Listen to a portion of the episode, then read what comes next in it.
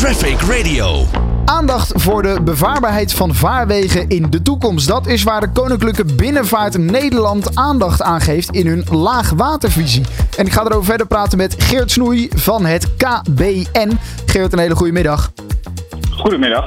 Ja, het Koninklijke Binnenvaart Nederland. Uh, en jullie hebben een laagwatervisie, want de, de waterstanden in Nederland zijn te laag, of worden misschien te laag, voor nou ja, de schepen die uh, wij nogal uh, veel hebben in Nederland. Hè, voor de havens bijvoorbeeld in Rotterdam. Dat, dat klopt inderdaad. Om u momenteel gerust te stellen, nu is het geen laagwater. Oh, gelukkig. Maar gelukkig. Ja. maar we zien, we zien dat vanwege klimaatverandering de verwachting is dat we in de toekomst daar vaker mee te maken krijgen. En nu is het zo dat een, wat, wat waterstandsschommelingen, zogezegd, niet direct een probleem zijn voor de binnenvaart. Maar als die laagwaterstanden langdurig en veel vaker voorkomen, wordt dat wel een probleem. En als branchevereniging dachten wij, uh, daar moeten we mee aan de slag en op anticiperen. En uh, we pakken daar regie op door een uh, visie daarover te schrijven. Ja, zeker. Want wat de, ja, ik kan de problemen natuurlijk ook wel bedenken. maar als de waterstanden te laag zijn, dan de binnenvaartschepen, denk ik eventjes, die, die kunnen niet meer door die Nederlandse wateren. Uh, exact. als, je, als het een heel extreme situatie zou zijn, dan, dan zou dat inderdaad voor kunnen komen dat er niet meer gevaren kan worden. Uh, um, maar ook uh, een verlaagde waterstand, wanneer er nog wel gevaren kan worden, uh, is in die zin problematisch, omdat de capaciteit die over de wateren vervoerd kan worden een stuk minder is. om, een, om een indicatie te geven als als er uh, de, de, grootste rivier die door Nederland stroomt, de Waal, uh, die wordt gevoed met uh, water uit de Rijn, wat vanuit Duitsland komt. Ja. als daar 10, pro, 10, centimeter minder water is, dan scheelt dat al zo'n 100 ton, wat er mee, minder meegenomen kan worden per, per schip, voor, voor een gemiddeld schip. En nou ja, 100 ton, dat zijn drie vrachtwagens op de weg. en aangezien er maandelijks zo'n 1 miljoen ton, uh, uh, of dat scheelt dus maandelijks, als we, als we 10 centimeter minder water hebben, 1 miljoen ton laadvermogen, wat we, uh, die niet beschikbaar is aan capaciteit op de, op de, op de Waal. nou ja, omgerekend, als dat allemaal in vrachtauto's zou moeten, zou dat 30.000 vrachtauto's zijn op de weg extra. Die zijn er ook niet, dus dan hebben we een probleem. Ja, want die, die, um, nou ja, die, die, die, die, die waterwegen en vooral uh, de, de, de boten, die zijn nog steeds een groot onderdeel van de industrie die wij op dit moment hebben. Uh, zeker weten. Uh, we, als binnenvaart um, vervoeren wij zo'n 35 tot 40 procent, omgerekend in ton kilometers, van, van het binnenlandse vervoer. En grensoverschrijdend is dat nog ietsje meer. Ja, dat is een groot onderdeel. Kortom, daar moet goed voor gezorgd worden. Vergeten wij dat op dit moment? Staat het niet op, op de kaart? Bijvoorbeeld bij de politiek. Is het een ondergeschoven kindje, vinden jullie?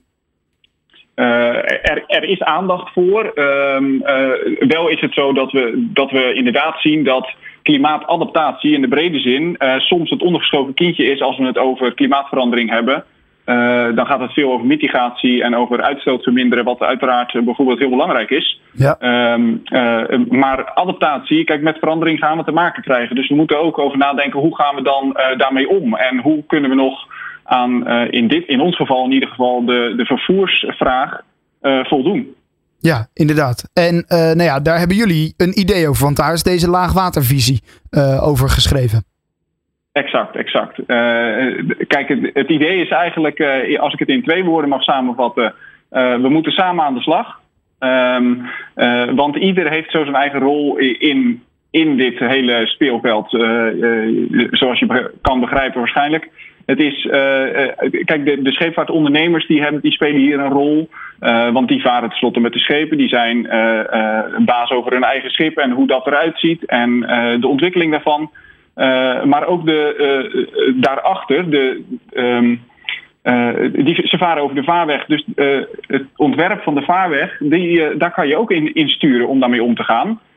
en zo zijn er nog wel meer spelers of partijen die, um, die daar invloed op hebben. Dus wij hebben geprobeerd te beschrijven um, wie, wie of wat op welk stukje zijn rol zou moeten nemen. Zoals dat wij dat vanuit KBN voor ons zien. Ja, inderdaad. Want gaat dit over alle nou ja, wateren in Nederland waar gebruik wordt, uh, van wordt gemaakt? Um, uh, Eigenlijk ja. Um, het is wel zo dat we vanwege. Uh, kijk, als, je, als we ieder binnenwater moeten beschrijven, dan wordt het heel erg veel. Dus we hebben wel gefocust op de grootste vaarwegen in Nederland. Ja. En dan ook niet te vergeten, ook de Rijn. Want dat is internationaal gezien voor het, voor het roergebied en de industrieën die daar zitten. Een enorm belangrijke vaarroute. Dus we hebben uh, het op die manier, um, uh, die, die aspecten, op dat aspect hebben we ook meegenomen. Ja, en wat zouden dan hele praktische oplossingen zijn waar we uh, aan kunnen denken? Want ja, als we, het, als we het dieper maken, dat betekent niet dat er meer water is. Nee, dat, dat klopt. Dat zeg je inderdaad goed. Um, nou, nou, kijk, om een voorbeeld te noemen, en daar zijn we in de sector ook al hard mee bezig, is het optimaliseren van het scheepsontwerp. Uh, door het spelen van, uh, van, diepte, of, uh, van diepte, breedte en lengte van het schip kan je meer draagvermogen creëren. En ook door het gebruik van bijvoorbeeld lichtere materialen. Ja. Um, dus daar, daar, daar is, is winst mogelijk. een ander voorbeeld is bijvoorbeeld is het, het aanpassen van de vaarweg. En om een voorbeeld te noemen, het gebruik van langsdammen is, een, is een optie daarvoor. En langsdammen die liggen zeg maar evenwijdig aan de stroomrichting. In tegenstelling tot kribben die we nu heel vaak zien en die oh ja. dwars op de stroming liggen. Ah, oké. Okay. En dat zorgt ervoor dat het water hoger komt te staan. Dat, dat, het, ja, dat er meer water op, op minder uh, oppervlakte moet. Of kan? Uh, dat klopt. En kijk, ja. in, zeker, in een heel, heel simpele manier om het te zeggen. Je maakt uh, de rivier iets smaller en daardoor ja, komt de waterstand exact. ook iets hoger te staan. Ja. Um, maar je kan met de instelling van die langsdam het ook zo uh, ervoor zorgen dat tijdens hoogwaterperiodes juist de rivier weer wat breder is en je dus een grotere afvoercapaciteit hebt. Uh, en Rijkswaterstaat heeft daar uh, de achterliggende jaren een pilotproject voor uitgevoerd. Er liggen in de Waal rondom Tiel ook een aantal van die, van die langsdammen. En dat hebben we getest. En de resultaten daarvan zijn best positief.